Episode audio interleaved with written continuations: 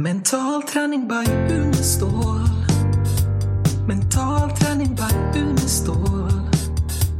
Mental träning by Unestål.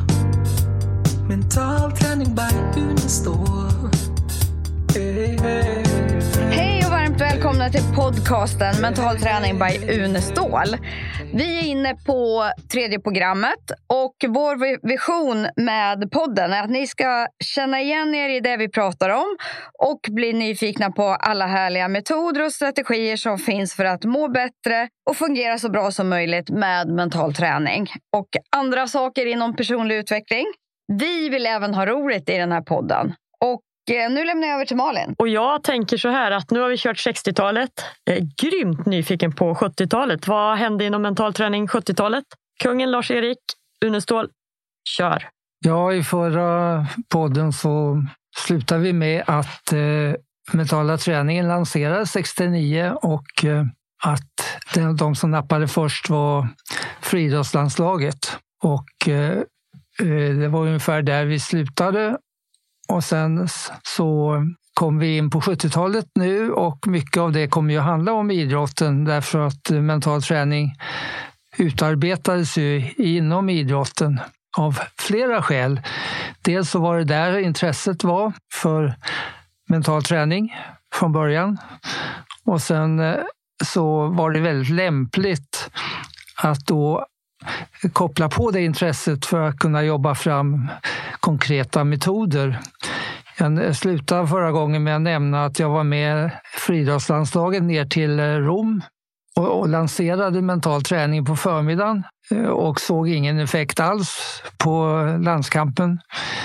Eh, vilket är naturligt, för att man kan inte läsa sig till eller lyssna sig till mental träning. Mental träning är ju någonting man gör, precis som fysisk träning. Så det blev ju starten då på att lägga upp en plan på hur vi skulle jobba fram praktiska träningsprogram under 70-talet och också utvärdera dem och utvärdera metoderna. Så 70-talet innebar en massa undersökningar. Jag gjorde väl ett eh, 30-tal forskningsrapporter så att jag fick ju hjälp att göra väldigt många av de här undersökningarna som kommer gynna eh, mental träning. Vilka var stjärnorna i friidrott på den tiden som du jobbade med? Jag vill bara säga då när det gäller de här uppsatserna att de blev ju väldigt viktiga sen för att eh, lansera mental träning eftersom de byggde på så mycket forskning. En sak är ju att man går ut sen eh, och bygger på erfarenheterna i idrotten. Men samtidigt är det viktigt för att få gehör menar, när vi kommer in på 80-talet och, och tillämpning på andra områden i samhället så är det jätteviktigt att eh, det är bra grundat. Och vi pratade förra gången om eh, bakgrunden och den forskning som var i Uppsala som ledde fram till mental träning. Men det var ju lika viktigt då att eh, fortsätta och titta på forskning när det gäller hur eh, det här skulle tillämpas. Så eh, gjorde många undersökningar i samband med idrottstävlingar, svenska mästerskapen i utförsåkning och undersökning och i samband med de olika landslagen, utvärdering i simning av eh, nya metoder för både feedback och att initiera förändring. En fråga som fanns då, det var ju om man, ska, måste, om man ska jobba på samma sätt som inom fysisk träning. Och eh, det är ju egentligen tanken. För en fråga som kom eh, från en del, det var ju kanske orealistiska förväntningar om effekten. Den har ni säkert också hört det här med om, om det är en quick fix eller inte. Där var det viktigt att visa att det är samma principer i mental träning som fysisk träning. Det tror jag är oerhört viktigt och det du säger nu för att jag tror som samhället och mycket fungerar idag så tror man att man löser allting väldigt snabbt istället för att lägga tiden och nå riktigt bra resultat. Ja, precis. Och det är ju, den inställningen har man ju inte i idrott, utan där vet man ju att det är år som ligger bakom eh, resultat. Vi vet ju att talanger har väldigt lite med eh, senare resultat att göra, utan det är träningen, långsiktiga träningen. Och samma sak är det ju i mental träning. Så en av många undersökningar gjorde jag med Sven Breife inom eh, bowling. Vi tog en experimentgrupp då från landslaget ner till division 7. Och sen hade vi eh, 100 stycken i en kontrollgrupp, 100 i varje, och eh, mätte effekten. Eh, experimentgruppen som tränade mentalt, där var det väldigt lite effekter efter tre månader. Det var effekter personlighetsmässigt, men prestationseffekter var väldigt lite effekter. Men efter tre år så var det jättestora skillnader mellan kontrollgrupp och experimentgrupp. Och sådana undersökningar visade ju då att eh, man får jobba på samma sätt med mental träning som fysisk träning. Det är långsiktigheten som gäller, ihärdigheten, regelbundenheten och att man håller på. Jag brukar eh, oftast eh, dra en metafor som har med mental träning att göra. Jag brukar säga att det är grunden på ett hus. Har du inte grunden på ett hus så, så kommer inte huset att bli hållbart.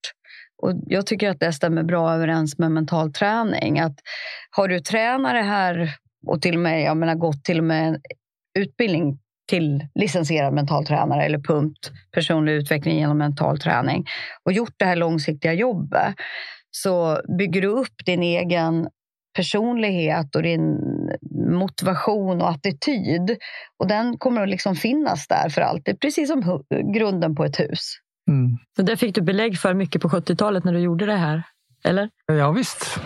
Man kunde ju se hur eh, viktigt det var med, med eh, att få människor förstå att det var långsiktigheten som, som gällde. Och eh, för att då eh, skapa intresset så måste man ju ha någonting att erbjuda för att man ska börja. Och därför var det så viktigt att göra de här undersökningarna för att se hur eh, mental träning kunde, hur principerna kunde ge effekter momentant också. Jag gjorde utav de här 40-talet undersökningar så var en del kopplade till exempel det ideala prestationstillståndet. Titta på hur eh, man med mental träning kunde skapa det som man kallar för IPT, ideala prestationstillståndet. Och sen se effekten i, på olika experiment, till exempel eh, eh isometrisk styrka.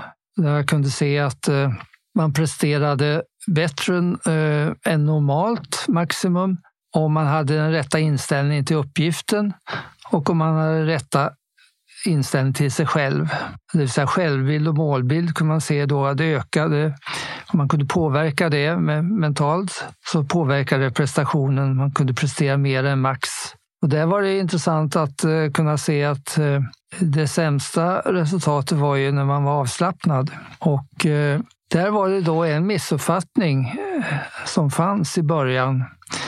Och det var att mental träning det är samma sak som avslappning. Och Eh, det gjorde ju då att eh, innan man visste vad mental träning var och trodde att det var samma som avslappning, då, då hände det en rad eh, intressanta saker. Det ringde till exempel en tränare för en fotbollsklubb, det var i början av 70-talet, när det här var alldeles nytt, och sa att en spelare i laget hörde talas om mental träning och sa det där borde vi använda. Och då frågade vi honom, vet du om hur man gör? Och då sa han nej, men jag har ett avslappningsprogram hemma och jag antar att det är det man ska lyssna på innan, innan eh, matchen. Så det gjorde vi. Vi tog med det till omklädningsrummet i söndags och lyssnade på det och gick ut och fick storstryk. Vi spelade som zombies. Jag tror att det är jätteviktigt det du är inne på, det här skillnaden mellan avslappning och avspänning, att verkligen förtydliga. För det tror jag många som har funderingar kring. Ja, och det hände flera sådana saker. En tennisspelare som ringde och sa att eh, ja, jag trodde att eh, det var avslappning man skulle lyssna på, så jag gjorde jag inför matchen och eh, gick ut och fick stryk med 6-0 i första set.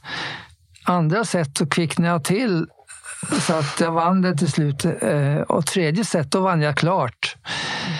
Eh, vad gjorde jag för fel? Och därför var det så viktigt att börja titta på vad är då den ideala, eh, det ideala prestationstillståndet när det gäller till exempel muskulär aktivering?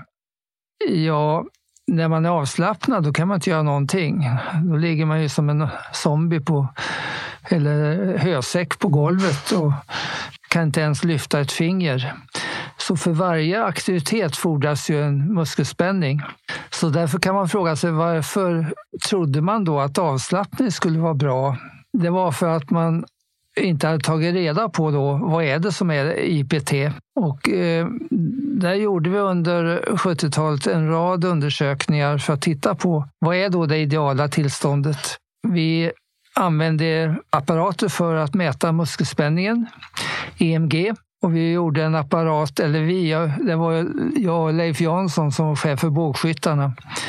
Han hade en bror vid Siemens och eh, hans bror gjorde en eh, EMG-apparat som man kunde mäta ut i, på fältet. Och eh, började titta på hans bågskyttar då för att se vad är det IPT muskulärt. Ja, när man testade de bästa då och jämförde med andra så var det ingen skillnad i de muskler som vi kallar för agonister. Det är de muskler som jobbar, eh, de aktiva musklerna. Men så finns det muskler som motarbetar det, som heter antagonister. Och när vi tittade på antagonisterna, då var det en radikal skillnad mellan de som var med i landslaget och de andra. De som var med i landslaget de hade förmågan att slappna av i antagonisterna så att de inte motarbetade det man gjorde. Och sen gick vi vidare och tittade på i stort sett alla landslag, 20-tal, samma sak. Enda skillnaden var att de som var med i landslaget hade, kunde slappna av i antagonisterna på ett bättre sätt. Eh, vid den tiden jobbade jag med Sveriges Radio symfoniorkester och tittade på de som spelade fiol. Samma skillnad. De som var duktiga slappnade av i antagonisterna. Eh, så på, jag jobbar med Ericsson, olika arbetsställningar. Samma sak där. Men du, det kommer jag ihåg, för när jag började med mental träning, när jag började läsa eh, första kursen, punkt, eh, och fick liksom höra om det här med antagonister och så. Jag sprang väldigt mycket under den här perioden. Och då tänkte jag att ja, men nu ska jag testa om det här verkligen funkar. För jag var ju så här envis som en röd liten gris. Så att jag var ju så här att jag ska springa bort till trädet oavsett vad som än händer. Liksom. Om jag så spyr blod så ska jag springa dit. Liksom. Och det är klart, då blev jag ju helt slut. Jag använde ju antagligen alla muskler. Och sen när jag då började med det här och började visualisera att när det började gå tungt när jag var ute och sprang och istället för att tänka då att jag ska springa till fast jag får blodsmak i mun. Så då hade jag liksom som en liten sån här ramsa som jag sa till mig själv internt. Lätt som en fjäder flyger fram. Och så bara upprepar jag då det hela tiden. Och bara för, föreställde mig att jag var lätt som en fjäder. Alltså det bara tog, ja det kanske bara tog en minut. Så bara försvann all trötthet i musklerna och så kunde jag springa igen. Så mm. bara, mm. Och det här funkar klockrent. Det, var, mm. det är precis det du pratar om. Precis, för att eh, i och med att man använder bilder istället för ansträngning så vet kroppen vilka muskler som ska jobba och vilka som ska vara avslappnade. Så att eh, det här ledde ju fram till då, för vi kunde se det som Lene var inne på här, att eh, börjar man anstränga sig, då gick, då gick det sämre. Vi, vi såg det eh, i den första olympiaden jag var med på 76 hur en 100 meterslöpare vi hade som inte var med på den mentala förberedelsen för han var i USA och läste och kom direkt till olympiaden. Men med de tider han hade gjort så skulle det inte vara något problem. Men ändå åkte han ut i första loppet. Och jag frågade honom efter loppet, vad var det som hände? Han sa, ja, jag märkte att jag kom bra iväg, men sen efter 50 meter började jag tänka, jag måste nog öka farten för att stanna kvar i loppet. Så började jag ta i. Vad hände då? Farten gick ner. Eh, så vi såg många exempel på att eh, ansträngning hade den effekten att prestationen sjönk därför att ansträngning gjorde att man också engagerade antagonisterna. Så vad man fick lära sig då utifrån det här vi fick fram, det var ju då att för att kunna slappna av i antagonisterna, då måste man lära hela kroppen avslappning. Så en hundrameterslöpare fick alltså, till exempel om man tittar på Bolt och de andra, de har alltså lärt sig muskulär avslappning. Eh, och eh, det tar ju fem veckor i mental träning, att lära sig kroppen att slappna av. Och när hela kroppen har lärt sig vad avslappning är, då kan man sen, till exempel när man ska springa 100 meter, då kan man sätta igång kroppen och sen använda, som Helene var inne på, använda bilder av hur man flyger fram över banan. Ja, då vet kroppen själv vilka muskler som ska jobba och vilka muskler som ska vara avslappnade. Så tittar man på närbilder av 100-meterslöpare så ser man eh, idag hur musklerna i ansiktet guppar upp och ner. Så alla andra muskler än de som ska jobba är, eh, är avslappnade. Och det ledde fram till att jag började använda ordet avspänning för eh, det ideala prestationstillståndet när man har en optimal spänning i agonisterna och är avslappnad i antagonisterna. Och det, det var Sverige bland de första i världen på att ta fram. Så att eh, det, det blev lite av förebilder för resten av världen att ta fram just det här som blev så oerhört viktigt i idrotten. Du reste oerhört mycket på 70-talet vad jag förstår. Ja, både 70 och 80-talet reste jag mycket och eh, jag fick faktiskt en, jag vet inte om man har den tidningsrubriken kvar, där det står han har rest 50 gånger runt jorden.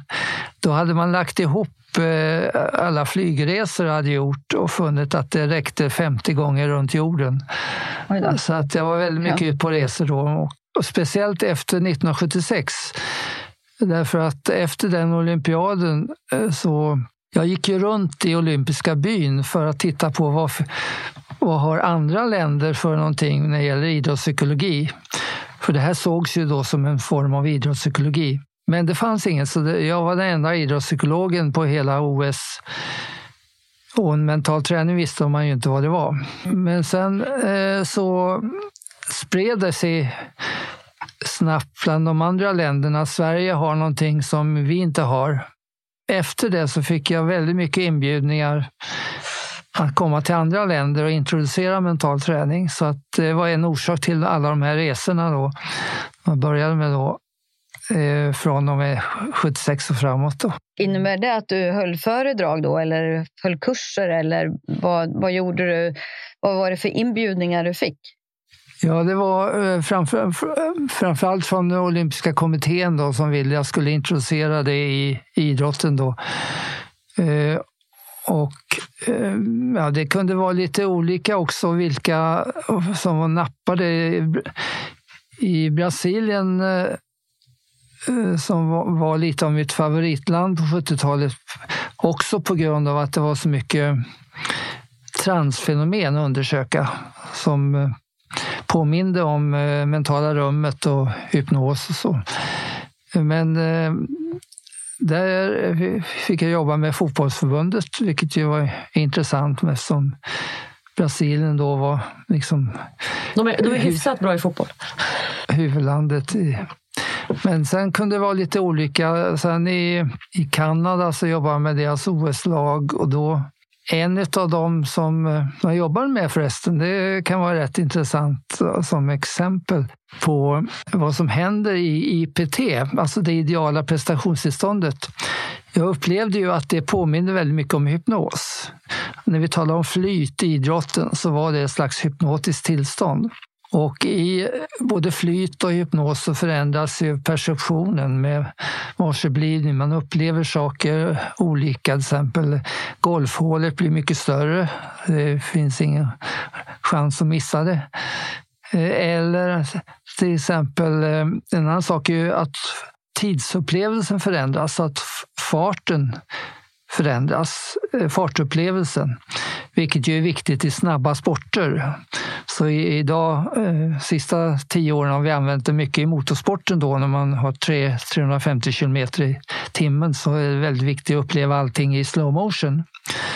Eh, men i samband med det då så fanns det en skidåkare i Kanada som när jag jobbade med, med utförsåkningslandslagsläger som sa att ja, eh, mitt problem det är att jag vill för mycket.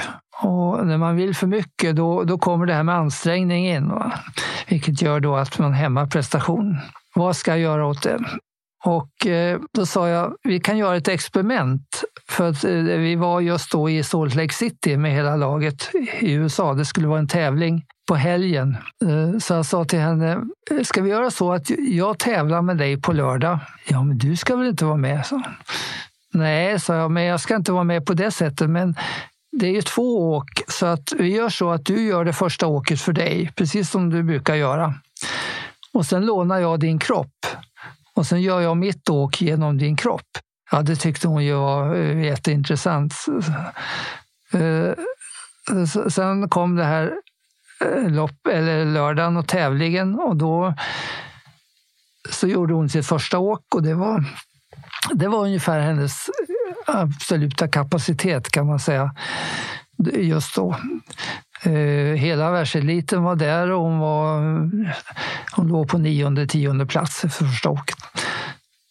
Sen Sen eh, fick hon gå ner till sitt mentala rum. För hon hade, de hade fått lära sig det i, i laget. Då.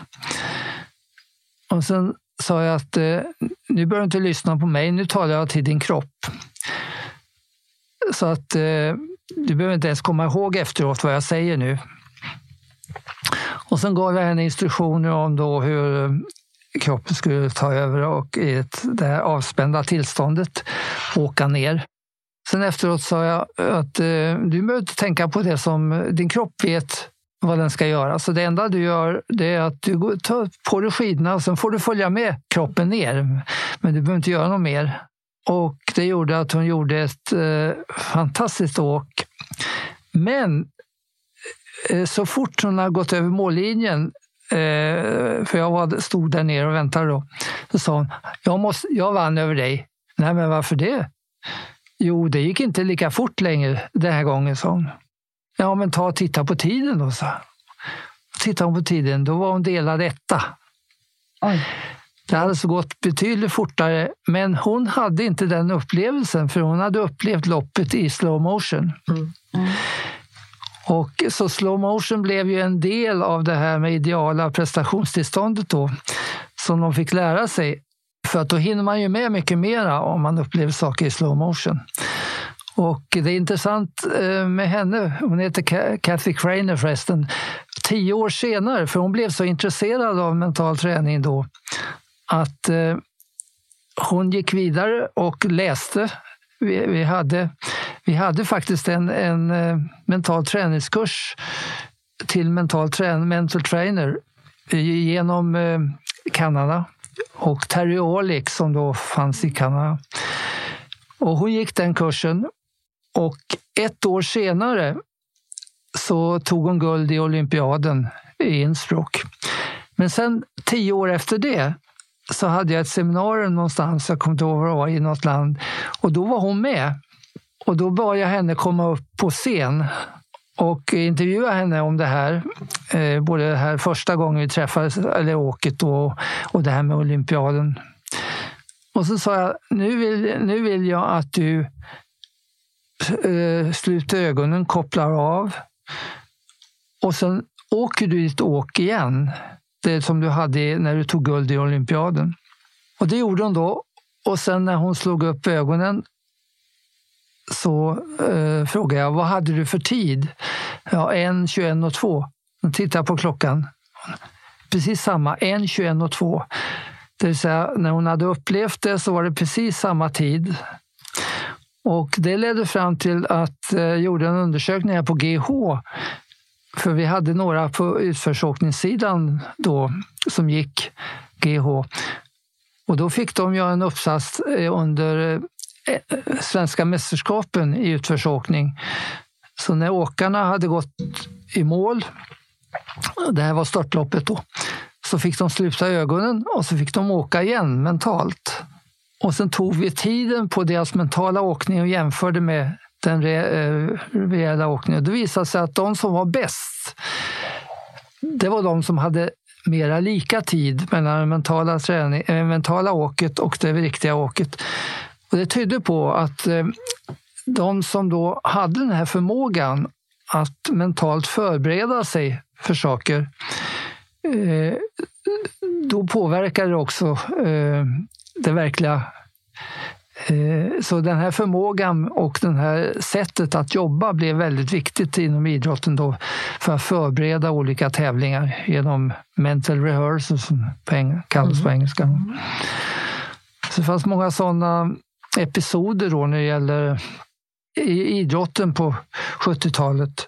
Ja, men jag tänkte så här, det här är ju, är ju egentligen det som händer oss alla i, i vanliga livet också. Man tänker, när jag jobbar som tandsköterska så är det ju precis det här människor gör, fast i fel riktning.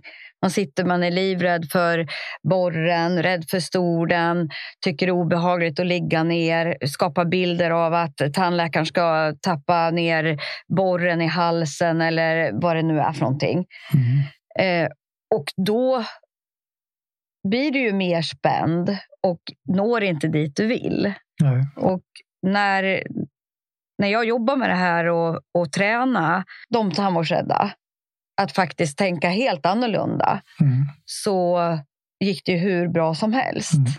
Och Det som var spännande var att de som var, hade mest rädslor och fobier överhuvudtaget, även om det var andra områden än, än tandvårdsrädsla, så, är, så var det faktiskt lättast att jobba med dem. Mm. För att mm. de var redan bra på mental träning. Det var bara det att de gjorde det i negativ riktning. Mm. Så att för mig var det rätt så lätt att bara få dem att visualisera och, och bli, liksom, gå in i, i det positiva. För de var mm. vana med det. Precis. Så där är det mer utmanande att jobba med de som är skeptiska och rätt så distanserade och kanske inte har så mycket bilder. Mm. Precis. Och det, det eh, kommer ju, när vi kommer in på mental träning sen så kommer vi att se att eh, det är ett annat språk. Vi använder det. Det är bildspråket. Mm bildspråket är det mentala träningsspråket. Mm. Och eh, det är därför det är så viktigt eh, att använda i många olika sammanhang där man istället har använt tanken. Eh, och det är därför vi säger, som vi kommer tillbaka till sen i idrotten, då, att eh, då börjar jag tänka och då gick prestationen ner. Mm. Jag kommer att ge många exempel på det, hur, hur tanken kan störa. För det är en analys, då plockar man sönder helheten. Mental träning bygger på en helhet och, och bilder. Och det som du säger då att eh, det är tyvärr så att eh, de som har lätt för bilder, de har precis som det gäller tankar, de har, det är lättare att få negativa bilder och negativa tankar än positiva. Och det kommer vi också tillbaka till varför det är så. Men det här gör ju då att, eh, jag, eh, jag tog exempel från utförsåkning, jag kan ta ett till när det gäller just det här. Och det var när jag träffade svenska landslaget i, på 70-talet i alpin idrott. Så sa de att eh, förra året när vi var och tävlade i USA så i första tävlingen så åkte den första åkaren ut i port nummer fem. Varpå tränaren gick till den andra åkaren och sa du får se upp i port nummer fem, varpå han också åkte ut där. Varpå han gick till den tredje åkaren och sa det verkar väldigt svårt i port nummer fem. Alla sex åkarna åkte ut i samma port. Och det fanns många sådana exempel på när man då skulle undvika någonting, ja då får man bilden, nu får jag inte åka ut. Och den bilden går inte att föreställa sig. Man kan inte föreställa sig hur man inte åker ut, utan den enda bilden som blir, det är att åka ut. Så eh, negationer i när man använder det i bilder, då blir det precis tvärtom. Mm. Då blir det det som man inte vill som, som händer. Men jag förstår att eh, anledningen till att du gjorde så mycket inom idrotten är ju för att idrotten jobbar så mycket med bildspråket, så det var rätt tacksamt att börja där. Ja, absolut. Det var det. Och sen var ju intresset väldigt stort för att hitta både sätt att höja sin prestation men jag tror också att det hade en viss betydelse för att utveckla sin personlighet och att utveckla, utveckla sin livsstil. Eh, därför att eh, den var inte alltid det bästa just på 70-talet. Om man tar... Eh, jag kan ju nämna några saker som är hemliga, men nu är de ute snart. Ja, vi vill höra hemligheter. Ja. Jag kan ta ett exempel. När vi var nere på den här första landskampen som jag nämnde om förra gången och i Rom, så på morgonen eh, fick vi kontakt med polisen som då hade tagit några av landslagskillarna i landslagsdräkter hade de varit ute på stan. Och eh, det blev eh, tydligen bråk med någon tjej, några tjejer. Så att de, blev in, de åkte in på polisstation, fick sitta där. Och vi, eh, vi lyckades få ut alla utom en, så en fick stanna kvar medan vi åkte till Sverige. Det här tystades ner, kom aldrig ut i tidningarna och så. Men i landslaget då var det tyvärr inte så noga med livsstilen. Att eh, alkohol till exempel, det var ganska väl förekommande. Och jag vet att eh, till exempel att en av killarna i landslaget hade en pappa som var nykterist och som inte ville att han skulle ens vara med vid vissa landslagssamlingar. Uh -huh. Så det var ganska illa kan man säga på det sättet. Men det gällde ju inte alla landslag utan till exempel Men ändå, sim, simma, simmarna, var ju, idag. simmarna var ju exemplariska. De, de, de drack mjölk. Men du, visst var väl du nykterist eh, ända fram till du var en 25 år eller någonting? Sen... Eh, jag var helnykterist, jag var absolutist. Och jag, jag var ordförande till och med i, i Blåbandet, i distrikt, distriktet Blåbandet. Så vad var det som fick dig att börja dricka då? ja, jag, jag var tvungen att testa. Jag använde fortfarande inte, inte sprit utan eh, vin ja. och öl.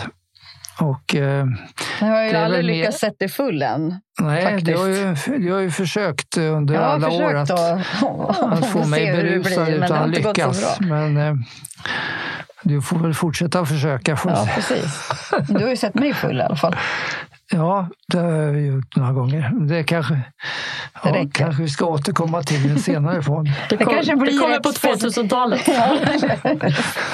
ja, just det. Ja.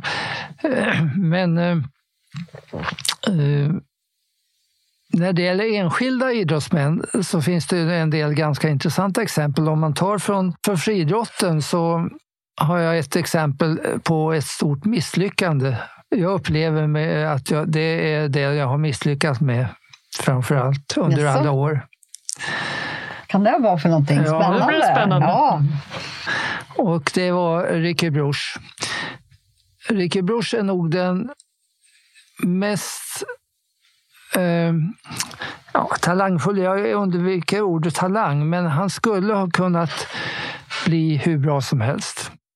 Bara som ett exempel så kan man säga att eh, så ringde FIB-Aktuellt fanns vid den tiden. Fast mm. de gjorde också inte bara... De gjorde också reportage. Vill de se dig naken i Bra reportage. Nej. Eh, de sa så här att... Eh, eh, för då hade de slagit upp det här med hypnos och idrott och mental träning var kopplad lite till hypnos då, eh, eftersom mentala rummet är ett slags hypnotiskt tillstånd. Så att det fanns en hel del tidningsartiklar omkring då att nu skulle svenska idrottare använda hypnos för att bli bäst i världen. Eh, och då ringde de och sa att eh, eh, vi skulle vilja kolla det här. Vi tycker att eh, nu ska du få hypnotisera Ricky Bruch. Får vi se vad han kan göra. Så vi åkte ner till hans villa då i, i, i Skåne och han var ju naturligtvis pigg på det också. Så att eh, jag hypnotiserade honom och sen gick vi ut. Eh, under, han fick vara under hypnos. Och gick vi ut till den kastring som han hade utanför. Och så fick han eh, kasta. Diskuskastare ska vi tillägga. Ja, för de som inte vet. Ja. Och det längsta kastet var fyra meter över världsrekordet. Oj. Det var 72 och 18 och världsrekordet var någonting på 68 då. 72-18, det skulle vara bäst i världen också i, i, idag, 50 år senare. Fantastiskt. Vad var, det han misslyckades med? Då, ja, ja. Ja, han kom ju dit. Och då, det slog de upp stort i tidningen. Då. Sen så, han hade så stor, mycket problem i samband med tävlingar att han kunde inte skapa det här avslappnade tillståndet som det innebar. Så att han kunde inte upprepa det i tävlingar. Och det gjorde ju honom ännu mer missmodig eftersom, eftersom eh, han visste hur långt ja. han sku, kunde kasta i bästa fall. Så han blev ju naturligtvis uttagen då till eh, olympiaden i, i eh, 76. Men han ville inte åka. Så det är ingen idé att åka. Oh, eh, och då, hade jag, då gjorde jag ett, ett program för honom som han fick träna på själv hemma för att han skulle bli av med den här rädslan. Så innan, alldeles innan olympiaden ändrade han sig och åkte över. Men han kom inte till oss i, i OS-byn utan han la sig uppe i, i bergen. Han var så rädd alltså så att han ville inte ens vara i OS-byn. Och där uppe så kastade han ju 65 meter varje, varje dag. Mm. Sen kom han ner till, till uh, uh, själva Eh, kvalificeringen. Kvalificeringen var bara 60 meter Hon nådde inte 60 meter. Och bröt samman helt, låg och grät på inneplan. Så det är ju ett stort misslyckande att inte kunna hjälpa honom att verkligen utnyttja sin kapacitet. Och då frågar jag honom, men har du inte tränat med det här programmet du fick? Nej, det hade han inte gjort. Han Nej. var så rädd för det här att han inte ens ville, trä ens ville träna. Ja, han ville inte tänka på det.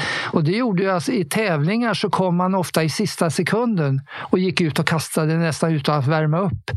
Därför att all förberedelse gjorde att tankarna kom och så. Mm.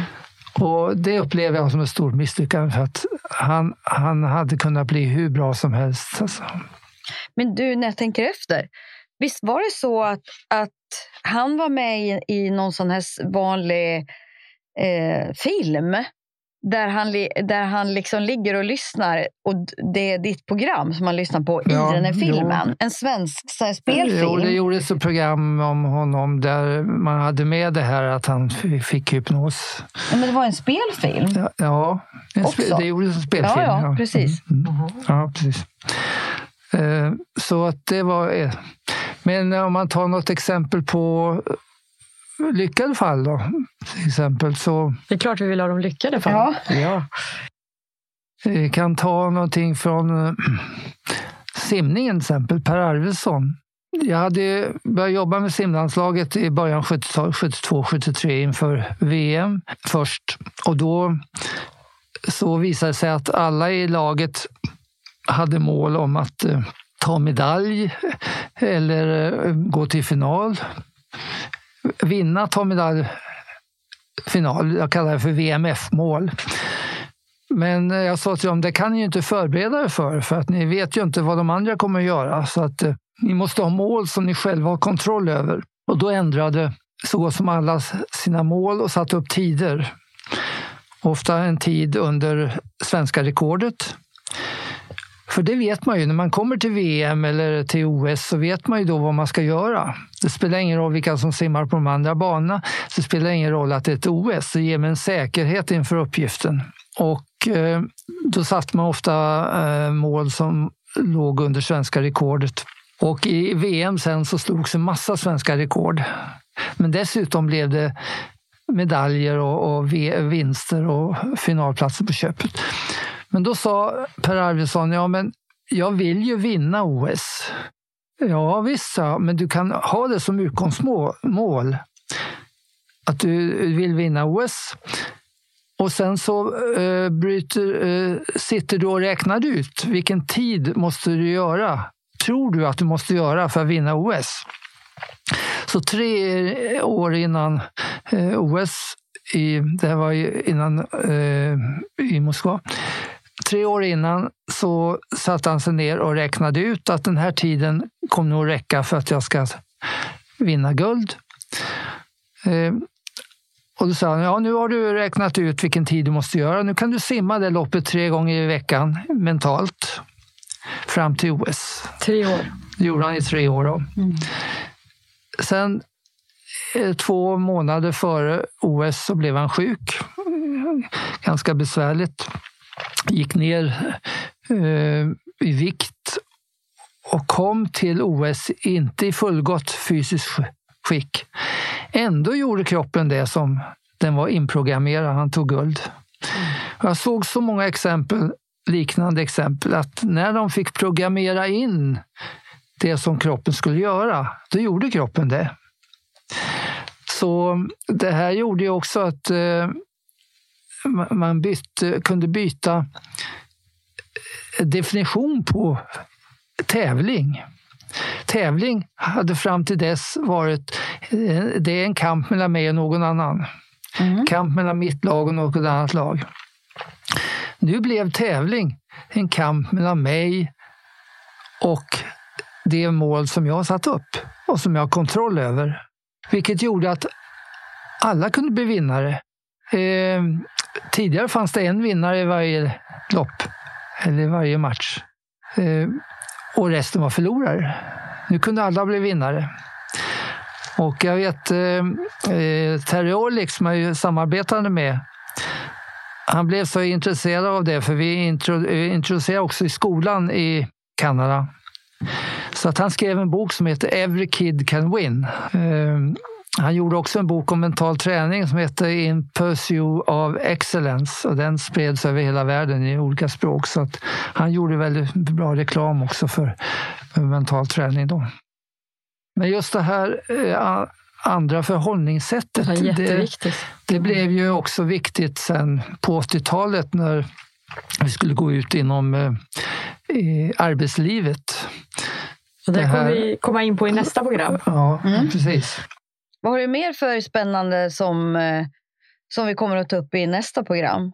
Nästa program, 80-talet, där finns det en massa spännande saker. Då går vi vidare och tittar på mental träning i skolan, mental träning inom arbetslivet och business och inom hälsan, inte minst olika hälsoproblem. Så det hände jättemycket på 80-talet. Jag vet att det kommer dyka upp någon buss med på 80-talet. Nej, det är på 90-talet. Det är 90-talet? Ja, bussen är på 90. Vad hände på 80-talet då? Vad gjorde du då för såna här riktigt roliga såna här grejer som, som ingen vet någonting om? På OS så var jag chef för eh, Bolivias lag. Mm. Var Australien och, 80-talet?